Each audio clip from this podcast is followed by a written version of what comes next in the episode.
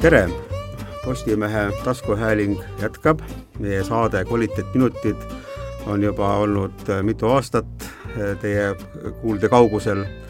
täna on siis saates taas Eve Rohtla. kuuskümmend pluss peatoimetaja. ja Tiina Tambaum. tere! kes on haridusgerontoloog ja üldse väga äh, tark inimene, teab kõike vanematest inimestest ja mina olen Aimar Altosaar, Postimehe ajakirjanik. nii et meil on olnud äh, väga palju elukondlikke teemasid, mida me oleme käsitlenud ja vananemine ja vanade inimeste teemad on lihtsalt huvitavad, ma arvan, et te olete selles meie taskuhäälingut kuulates juba veenduda jõudnud, aga räägiksime täna ka poliitikast. räägime vanadest poliitikutest ja noortest poliitikutest ja Tiina demokraatias osalemisest ja esinda-, oma vanuserühma esindamisest. oli kunagi aegade alguses, kui inimese, inimkond oli noor ja siis olid vanemad inimesed, oligi vanemate kogu või tarkade kogu või et seal olid ka vanemad inimesed, kes olid tasakaalukamad ja otsis, leidsidki lahendusi olukordades, mis võib-olla noorematele inimestele tunduvad võimatud. aga, aga võib-olla ongi meie juhid ka poliitilises mõttes noh, kuidas öelda, tasakaalust on see väljas, et seal peaks olema ka vanemaid, targemaid, empaatilisemaid, lahendustele orienteeritumaid inimesi rohkem. Ma ei ole numbreid kokku löönud, milline on meie Riigikogu vanuse struktuur, verinoor ta kindlasti ei ole. Aga kui vaatame ikkagi täitevstruktuurid, no see ei ole muidugi ainult Eestis, kui me oleme, kui me oleme maailmas ringi vaadanud, tegelikult see peaministerkond, see järjest nooreneb, see on mm -hmm. täiesti tavaline, et peaministrid on nelikümmend või nooremad noh, kui me mõtleme nagu ajas tagasi, siis tavaliselt varem olid ikkagi Churchill ja kõik olid ikkagi varem oli Mart Laar, kes ja, ju kolmekümnendates võttis vastu niisuguseid radikaalseid ja, otsuseid, et ilma sellise noore vihase mehe otsustamiseta ja, ilmselt me ei oleks üldse praegu siin, kus me oleme. ma olen täitsa kindel. ja ma olen nõus sinuga, see oli pöördelistel aegadel jah, pöördelistel aegadel ongi alati, kes peab tulema noore ja vihasena, sest ta ei teagi, mismoodi ei, ei tohi teha, eks ole mm aga kui on nagu riik enam-vähem stabiilne, siis peaks olema võib-olla ka seal juhtide poole peal sellist vanust ja tasa, tasakaalukust rohkem.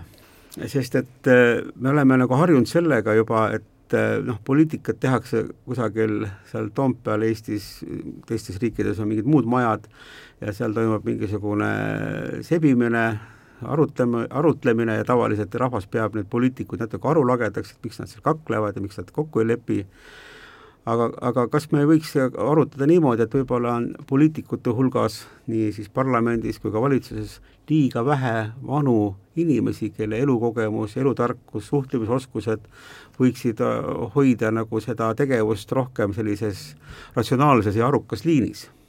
sest kuidas teile tundub, kas kas meie demokraatia on millegipärast jätnud vanad inimesed või noh, meil on liiga vähe vanu inimesi äh, poliitikas, kui vaadata äh, ka meie rahva elanikkonna keskmist, ütleme, vanusestruktuuri, kuigi mul ei ole seda võrd-, võrdlust praegu siin käepärast, aga mulle tundub, et et äh, vanemate inimeste osakaal poliitikas ei vasta nende äh, proportsioonile rahvastikus, et kui neid oleks rohkem, oleks vanemaid inimesi rohkem, oleks ka meie poliitiline kultuur parem no siin võib küsida, miks meil ei ole elukogenud ja vanemaealisi ja seeniorpoliitikuid või tähendab seeniorvanuses poliitikuid kõige kõrgemal tasemel, üks põhjus on see, et nad äh, ei sea ennast üles valimisteks. ja teine põhjus on, kui nad seavad ennast valimisteks üles, siis neid ei valita. sest see on ka ju sotsioloogilistel küsitlustel välja tulnud, et ega muidu räägitakse, et naisi on vähe poliitikas, eks ole, kui me siin räägime üldse inimeste jagamiseks, jagamisest vanadeks noorteks ja naisteks meesteks, aga probleem on ju selles, et naised ei vali ju naisi, naised valivad ju mehi poliitikasse nii et äh, siin on ka see küsimus, et vanemad inimesed valivad nooremaid ehk. et, et siin võib olla nii palju erinevaid kihte, ma ei tea, mis sina, Tiina, arvad? Jah, see on huvitav küsimus, et kuidas vanuseliselt see valimine toimub, et äh, kahjuks kas valitakse endast nooremaid, teatakse enda vanuse nii-öelda puudusi, et ju ta ei jõua, samas kui me vaatame siin viimaseid Ameerika presidente, siis üks on vanem kui teine, eks ole, et et äh, ei, ei tule see vanus takistuseks. aga ma ei tea kõrgemal tasemel ja mul puuduvad ka andmed, kui me ütleme, kui teame, et kuuskümmend viis pluss inimesi on praegu kakskümmend protsenti, siis täitsa võimalik, et iga viies on ka kõrgemal tasemel, on seal poliitikas olemas täitsa kuuekümne viie ja vanemad.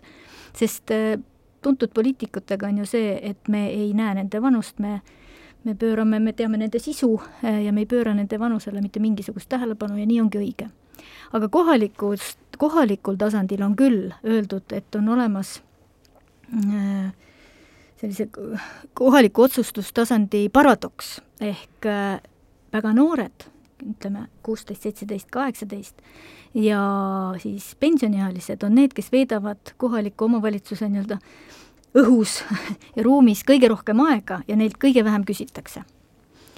nii et et äh, sellepärast äh, praegu ühest otsast ärgitatakse eakate komisjoni, eakate nõukogude loomist kohaliku omavalitsuse juurde. ja, ja teiselt poolt mina olen seotud ühe eksperimentaalse ettevõtmisega Tartu vallas, kus me siis katsetame käima panna Nova komisjoni ehk noorte vanade komisjoni, kus on siis tõesti gümna-, gümnaasiumiealised ja pensioniealised ühes ja samas nõuandvas komisjonis ja seal lisaks, et nad esindavad siis oma vanuserühmasid ja, ja hindavad äh, volikogu ja vallavalitsuse otsuseid noh, oma eagrupi huvidest lähtuvalt, äh, nad ka hakkavad tegema algatusi, mis, äh, mis on vajalikud nii noortele kui vanadele korraga, ühine eesmärk, pluss selle töö käigus peaks saama ka nagu tuttavamaks nende mittekülgnevate põlvkondade esindajatega, nende mõtteviisiga, nende tööviisidega, ehk see põlvkondlik sisu, sidusus ka selle töö käigus siis äh, tugevneb. aga kuidas see praktikas ellu viia, see nüüd on järgmise aasta küsimus ikkagi see keskealine on see, kes, kes äh, otsustab ja ütleb nii vanematele kui noorematele, kuidas, kuidas nemad elama peavad et seda tõesti peab julgustama ja miks seda nüüd ek-, ekstra vaja julgustada vanemaid inimesi osalema demokraatias rohkem, see on seesama. see on ju, see on ju konflikte täis valdkond, see, see võtab sul seda sama suhtluse energiat ja, ja tundub mõttetu oma elu raisata mõttetute vaidluste peale ja koosolekutel istumise peale ja aga tuleb, tuleb, keegi peab siis džotile hüppama ja esindama, aga seda tuleks innustada, väärtustada, esile tõsta ja, ja seda, seda, nende osakaalu otsustajate juures suurendada.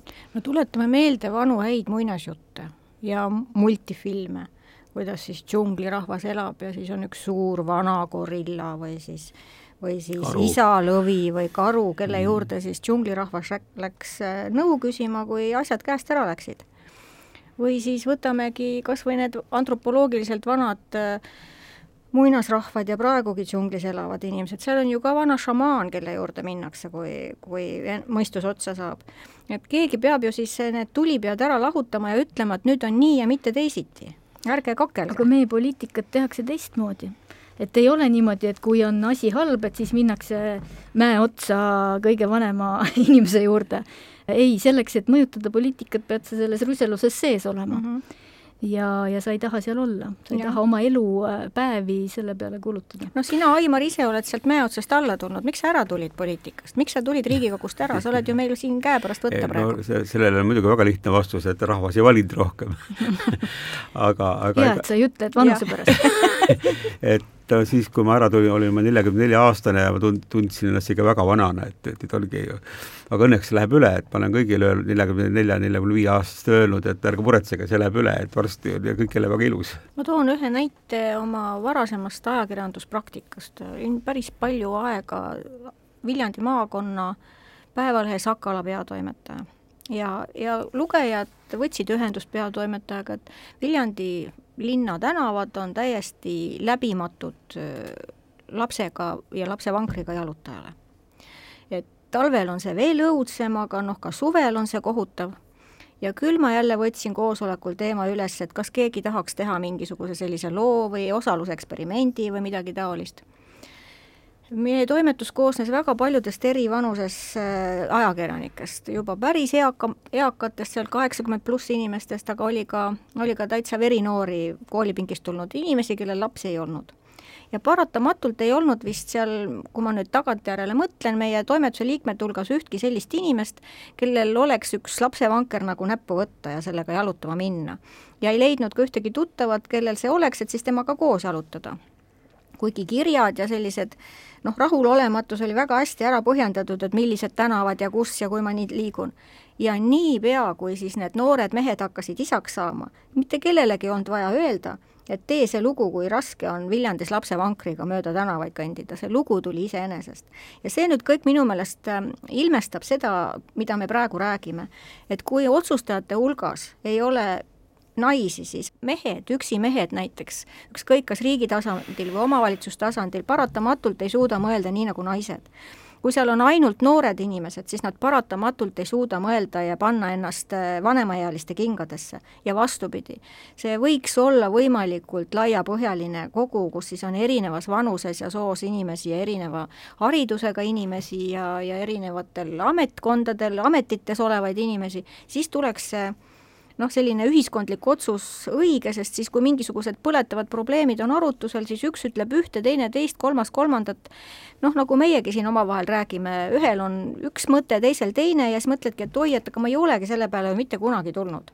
Ja täpselt nii on ju ka tegelikult ühiskonnas ja, ja poliitikas osalemisega mm. -hmm no üks äh, esimesi eakate nõukogusid oli Põhja-Tallinnas ja mis oli nende esimene tegevus? Nad läksid siis koos otsustajatega jalutama Stroomi randa ja siis näidati nii-öelda puust ja punaselt ehk rauast ja punaselt, et need pingid, mis sinna oli ilusad äh, disainitud, tehtud, ei kõlba istumiseks, sest nad olid metallist ja nad olid külmad. Et teatud vanusest alates sa sinna enam istuma ei jää ja, ja pingid on üldse see teema, mis, mis on üks ühine noortele ja vanadele või üldse kõigile, kõigile meeldib, kui on palju pinke. ja, ja ma, ja, ja veel niimoodi, et noh, et kui elanikkonna tihedus on kuskil suurem, siis seal vahetus läheduses peaks olema pinke tihedamalt ja siis kaugemal harvemalt, sest kes juba kaugele jõuab, sellel on sportlikud võimed paremad ja ei ole vaja nii palju puhata. ehk kõik sellised ja mõelge nüüd, kui noored ja vanad arutaksid seda koos, see noor on oma elu lõpuni, eh, teab, mida vanem inimene vajab. see on väga tore projekt, mille, mida sa kirjeldasid, sest et eh, noh, tõepoolest me näeme niisugust suurt lahknevust ja sa ütlesid väga huvitava termini, et külgnevad põlvkonnad. mittekülgnevad põlvkonnad. mittekülgnevad põlvkonnad. ehk need, kes ei ole seal peres koos, vanemad ja lapsed, jah. et et, et need saab kuidagimoodi kokku viia, et koos midagi mõtleksid, otsustaksid, teeksid, aga, aga kui me nüüd räägime kas demokraatiast, siis ikkagi see demokraatia annab ju nagu sellise õigusliku aluse igasugusele poliitilisele võimule või noh, poliitika saab ka olla ainult eh, nii, et ta on, on, on, on nagu noh, päriselt ja kõigi poolt ühtemoodi aktsepteeritud, et valitakse mingi kogu ja neil on õigus otsustada et kui me räägime nüüd nendest noorte-vanade kogudest ja muudest niisugustest moodustistest, meil väga hea, et nad toimivad või selles mõttes saavad kokku, aga nendel pole nii-öelda seda noh, seaduse jõudu või mm. demokraatia jõudu, et et ikkagi peaks mingisugune ülekanne tekkima või muutus tekkima ka selles demokraatlikus protsessis, et seal ka noh, sellised erinevad eagrupid oleksid esindatud ja, ja nende häält oleks võimalik kuulda, et kuidas sinna jõuda? no et selleks peab kandidaat ennast üles seadma, eks ole. aga, aga tõesti, vanemad inimesed kas ei kipu esi-, esi- või esitama ennast eh, või on eh, ka see asi, et erakondades on äkki nagu jäme ots ongi noorte käes, kes eh, püüavad nii-öelda oma klubi kokku saada ja võtavad ilu pärast sinna otsa äh, mõne vanema inimese, nii nagu kui oli veel mõni, paarkümmend aastat tagasi vähemalt räägiti, oli, pidi olema kindlasti mõni naine, et pandi siis laua otsa mõni naisterahvas ka, kuigi mulle tundub, et ka praegu mõnes erakonnas on no ikkagi see naiste probleem veel väga terav, et neid on vähe või nad ei ole esindatud. aga võib-olla vana, vanemate inimestega peaks ka olema, et noh, et siis jälle tekib omakorda jälle probleem, et et kui me paneme ainult seal, hakkame tasakaalu otsima, et mehed-naised, noored-vanad, Eh, noh, siis nagunii vaadatakse ka regionaalset aspekti, eks ole, kes on Lõuna-Eestis, Põhja-Eestis, kes suures linnas, kes väiksest, et siis nagu ei olegi enam midagi valida, siis pannakse nagu ja nup... koeraomanikud ja kassiomanikud ja kassiinimesed, koerainimesed, meremehed, maainimesed, metsarahvas põllurahvas, et, et siis ei tekigi enam nagu seda demokraatiat jälle mm, -hmm. et noh, siis on kvoodid ainult. kvoodid, eks ole, aga noh, kuidas me kvootidega ei, ei, ei kvootidega ei, see, ei usu mina see nagu ei toimi, eks Mhm. ole. pigem ikkagi eh, toetada ja julgustada ja näidata seda, miks seda vaja on, et, et oleks erinevaid karvaseid ja sulelisi esindamas. ja, ja me eelmises kõneluses rääkisime, et mida vanem on inimene, seda rohkem ta valib, mille peale ta oma järgijäänud elupäevi veel kulutab ja ja kui see see kandidaadiks olemine, juba kandidaadiks olemine, rääkimata seal valituks osutamine, et see sisaldab endas nii palju noh, üsna Konflikte ja mõt-, stressi, üsna mõte- ja pinget, stressi ja ja ka väga palju mõttetuid teemade arutamist, mis elukogenud inimene teab ette, et see kuhugi ei vii, no vot siis sa ei tahagi raisata seda elu äh, selliste asjade peale ja sellepärast on ekstra julgustamist, toetamist, tuge, teadlikku, teadlikustamist äh, vaja vanematele inimestele. Et põhimõtteliselt mina olen selle vastu, et me peaks kuidagi vanemaid inimesi teistmoodi käsitlema, tei-, nendest, neile mingisuguseid äh, teisi eeliseid, Eeliseid eeliseid andma, aga kui sa suudad seda põhjendada teoreetiliselt, et see puht struktuurselt ongi, nad on, nad ei, ei esita ennast ise ilma toetava struktuurita, siis siis, siis, siis on seda toetavat struktuuri vaja. teine asi, minu meelest meil peaks olema esindatud öö, otsustuste juures inimesed, kes elavad ilma internetita, sest neid on meil nii palju, ikkagi suhteliselt liiga palju, ja see elu on nii teistsugune ja keegi peaks esindama ka seda, seda, selle saare rahvast mm -hmm. otsustuskogudes. pluss need digioskused on ju tänapäeval niivõrd seotud kogu selle demokraatliku, me oleme e-riik, eks ole, ja on vaja sellel samal kandidaadil või, või siis juba valituks osutud inimesel võimalik täiesti, et on vaja ka mingeid tugiteenuseid. et ta saaks äh, siis rahulikult omas tempos ära õppida need oskused, mis teistel on töö käigus äh, omandatud. et tuleks julgelt otsa vaadata ikkagi mis takistab seda tööd, kui me nimetame seda, seda volikogus olemist tööks?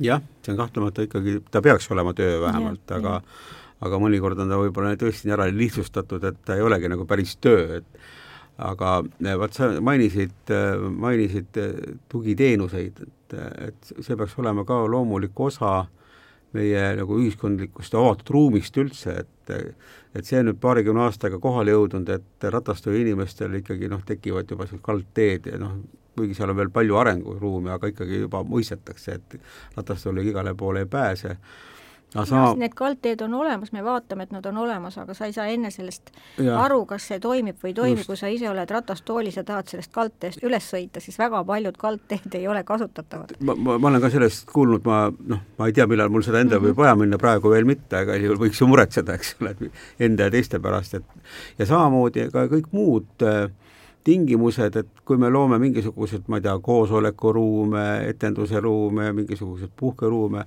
et oleks ikkagi maksimaalselt nagu läbi mõeldud ka sellest aspektist, et noh, kõik, kõik saaksid kasutada, eks ole. see on, see on ju asja mõte, siis ei ole ka need piirangud, siis ei ole ka neid hirme ja piiranguid nii palju no ma, kui me nüüd demokraatlik poliitikast ka korraks kõrvale hüppame mm., siis ma seda loengus julgen rääkida, et mina näen, et tööandjate juures saavad olema nagu lasteaedades magamistoad, kus saab teha oma lõunauinaku. et ja seda nüüd, kus me oleme kodudes töötanud ja noh, see siis inimene, töötaja saabki siis teha see lõunapuhkus siis, kui tal vaja on ja ta on jälle energiat täis pärast seda nüüd, kus me kabinettidesse tagasi liigume, et tõesti soovitan mõtelda selle peale, et on võimalik töö juures magada korralikult kakskümmend minutit näiteks. ja seda ka uuringud vihjavad, et inimesed, kes siis noh, on otsustamisel, et kas ta läheb pensionile, päriselt siis töölt ära pensionile, Saare uuring on näidanud, et õigemini mitte Saare, vaid see oli Inglise samalaadne uuring Suurbritannias, ELSA uuring, et kui, kui oleks, saaks teha tööd kodus, siis ta valiks tööelu jätkamise. ja nüüd mõtleme, mis eelised seal kodus siis on. ma arvan, et see, et ma saan puhata siis täpselt siis, kui mul aju ära väsib, on üks nendest eelistest ma olen väga nõus sellega, ma, ma olen isegi siis, kui ma olin suhteliselt noor inimene veel, mulle, ma olen väga hinnanud seda pärastlõunast et noh, tõesti kakskümmend minutit, pool tundi, see teeb sind hoopis värskeks, nagu see beauty sleep või kuidas seda ka nimetatud mm, -hmm. et et jah, aga, aga neid selliseid nüansse on ilmselt veel ja veel, mida me võiksime arvestada, kui me tahaksime, et kõik inimesed tunneksid ennast noh, kas siis demokraatlikus töökeskkonnas või lihtsalt töökeskkonnas hästi ja annaksid endast maksimumi.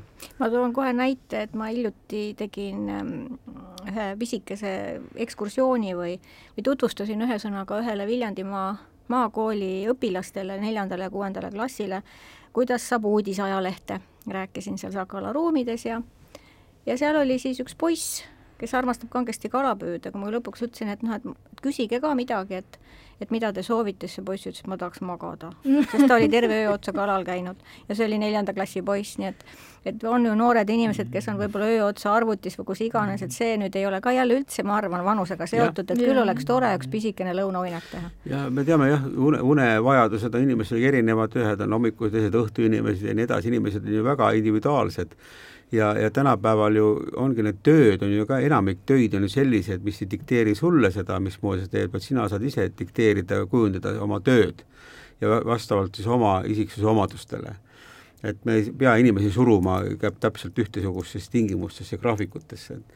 ja on töökohti, kas ei ole mitte lennujuhid kellel on olemas võimalus magada. väga võimalik, ma ja. ei ole seal kunagi käinud. lennujuhid on enne nii vastu, nad peavad olema sada protsenti, jah, kui nad töö, siis ta, tema ei saa seal tööl natuke tukkuda. jah, ja ega telefoni näppida ja vahepeal Facebookis käia. ja, ja aga, aga tähelepanu, see on ju psühholoogias on nii palju mm -hmm. see katset tehtud ja teatakse, kui kaua on üldse inimene võimeline tähelepanu kontsentreerima, millal ta mm -hmm. vajab mhm. natuke puhkust ja siis ta, noh, need tsüklid on ju kõik teada, see on ju, neid on ju nii palju uuritud, aga millegipärast ikkagi neid tehakse koosolekuid või mingisugused mingisuguseid nagu töiseid üritusi, kus seda ei arvestata.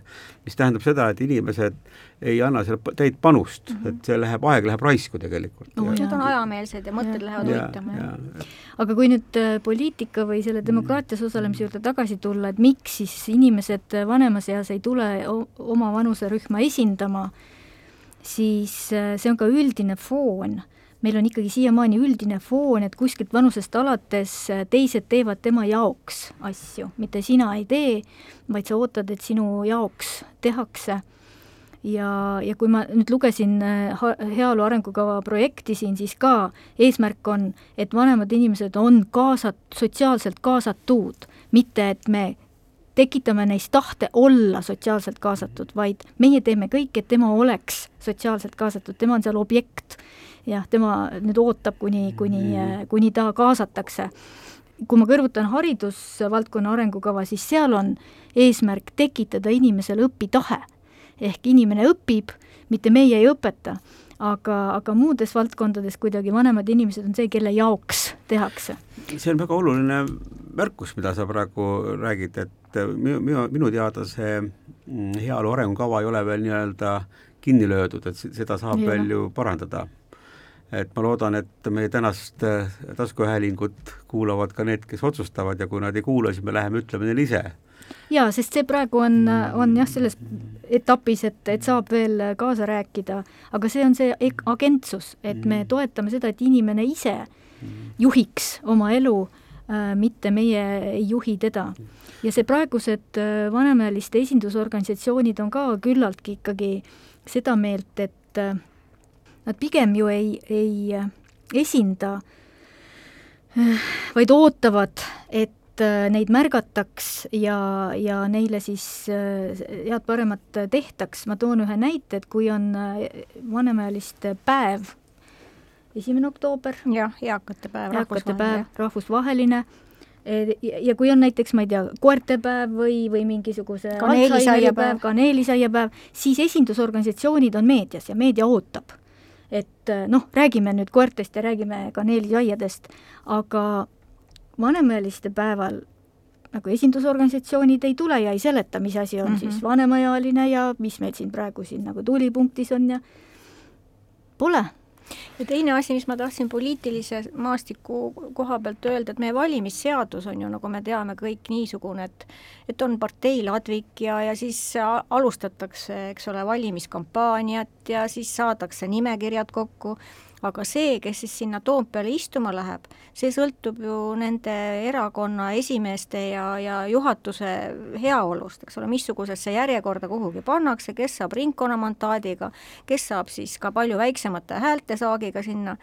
Ja, ja senikaua, kui muidugi see otsustajate ring seda ei mõtle, et võiks ka vanemaealised sinna ettepoole panna, siis seda ei juhtugi mitte kunagi kuigi ma ei tea, kas keegi selles suunas üldse mõtleb, et noh, et kuidas vanusega need asjad on, et ma hakkasin mõtlema praeguse Riigikogu koosseisu peale, et seal on meil ju päris, päris elukogenud inimesi, võtame seal Siim Kallas või või võtame Iivi Eenmaa või jah, jah, just. ei no must. need numbrid peaks kokku lööma, ma isegi arvan, et see üks viiendik, kuuskümmend viis plussi on täitsa olemas. jah ma kardan, et ei ole, ühte viiendikku ei ole, seal on, aga noh, igal juhul olematus ei ole ja, ja, ja. aga, aga tõesti, meil on praegu Mart Helme.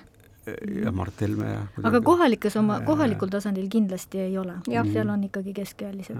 seal on, aga linnapead Eestis on ikkagi väga noored mehed enamasti. ütleme ka, kipub nii olema, et just täitevstruktuurides ehk linnapead või ka, ka valitsuse liikmed või kes, need on ikkagi pigem nooremad vist. No jälle ma isegi ei imesta selle üle, et, et vanuse kasvades inimene taandab ennast sellise tippotsustaja koha pealt, sest äh, on teada ja see on normaalne, et äh, selline multitasking või, või tähelepanu jagamine mitmete asjade vahel, see võime väheneb vanusega. ja, ja see kuidagi ju ikkagi sa tunned, et sa ei suuda enam kümmet, kahtkümmend asja korraga peas hoida ja siis sa ei tahagi olla see, kes tegeleb saja asjaga. Aga ma ei ole muidugi, ma ei tea, mis on ministeeri tasand, võib-olla mul abilised teevad kõik ära ja mina saan keskenduda ühele asjale no,, ma ei tea seda. elu, elukogenud juht ja kogenud juht delegeerib, delegeerib selle ära jah, et ja. et muidugi see jälle täiesti omaette teema, mida me täna ei ava, aga juhtimisoskus ehk ka siis inimeste kuulamine, mõistmine, milleks ühed või teised inimesed on võimelised, milleks ei ole, et sul ei ole mõtet hakata neid kastidesse toppima, vaid mm kuulata ära ja vaadata ära, mida inimesed tegelikult suudavad, tahavad ja milleks on motiveeritud. sellist juhtimisoskust on kahjuks aga meil väga vähe, aga see tuleb meil jälle üldisest sellisest empaatia ja suhtlemispuudusest või ütleme, mitte empaatia, empaatiat ei väärtustata ja suhelda, ei osata suhelda. aga me läheme nüüd jälle natuke kaugele ma võib-olla selles poliitika äh, teemadel äh, ma arvan, et me ka saame veel edaspidi jätkata, aga aga võib-olla praegu on nagu vaja kõrva taha panna ka see, et äh, need noh, vanemad inimesed, keda me tunneme, et võib-olla on, ei ole nende teadmised ja vajadused ei ole esindatud või nende mõtted ei lenda nagu selles poliitikas nii, kuidas vaja on, et eks see on ka vanemate inimeste endi teha ka, et ei ole see esindusorganisatsioone, nagu sa, Tiina, ütlesid, ja nad ei paista ka nendes erakondades välja, veel on erandid loomulikult. Nad lükatakse ju seenior, mingid parteides seeniorliikumised on. ja taga, see on selline tagavarateele kuhugi. veedame mõnusalt aega rohkem, selline, võtame loenguid ja arendame ennast, et minu meelest seeniororganisatsioonid parteides eriti parteipoliitikat otseselt ei mõjuta või ei ole see nii? no pigem on need erakondades olnud nagu näidata, et näidata valijatele, et me hoolime vanematest inimestest, et meile antakse selle eest nagu hääli, ma kardan, et niisugune üsna küüniline arvestus. aga noh, tõesti, meil on ka erandeid, ka EKRE pikaaegne esimees ja nüüd aseesimees Mart Helme on hea näide, et vanus ei ole üldse tähtis, inimene on energiline juht, kui, kui tahes van-, kõrges vanuses, kui ta on motiveeritud ja tal on see mingi sõnum, mida ta tahab nagu öelda.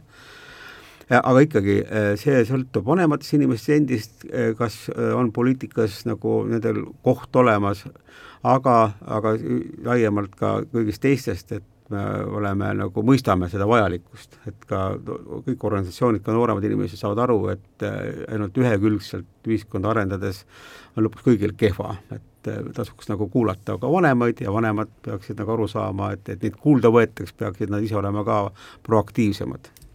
Ja, ja pluss need ikkagi need äh, tugiteenused, et äh, kui ma tulen selle Nova komisjoni juurde, siis seal on väga tähtis, et selle komisjoni liige omakorda omab suurt võrgustikku selle oma piirkonna eakaaslastest.